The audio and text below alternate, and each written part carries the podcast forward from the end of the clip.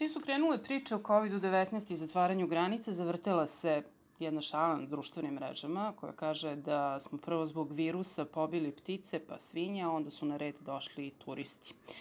U prvi mah čovjek se nasmeje, međutim kad bolje razmisli i zaplakao bi.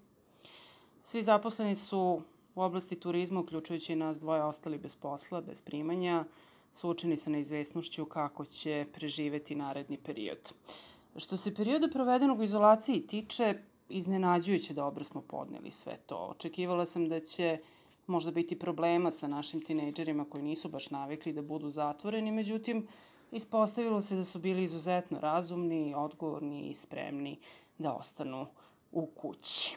Ostavši bez prihoda, našli smo se i u poprilično nezgodnoj finansijskoj situaciji, pa je vlada eto došla na ideju da zasadi nešto povrće kojim bismo podmirili svoje potrebe i počeo da obrađuje baštu koja će prve plodove dati verovatno sredinom jula. S obzirom to da su mere donete zbog epidemije relaksirane, očekivali smo da ove nedelje krenemo put Grčke, međutim, danas su javili da su Grci odlučili da ipak ne otvore granice do 1. jula nekako sve vreme imamo i osjećaj kao da živimo u video igrici i stalno pred nama niču neke nove prepreke koje se trudimo da preskočimo.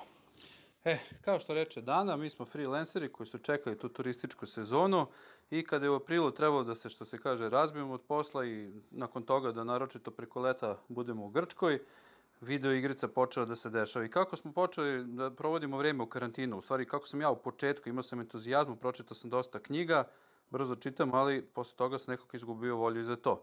Okrenuo sam se i poljoprivredi, uvek sam i cenio poljoprivrednike, ali sada došlo se na fabrička podešavanja, pa sam imao prilike da, budući da nisam 20 godina u aprilu i u maju, kada je proleće, ali boravio u Srbiji zbog putovanja, sad sam imao prilike da ispratim kako to sve raste, da se borim protiv insekata, protiv napasti, da okopavam i da zaista imam jedan svoj zen što se toga tiče.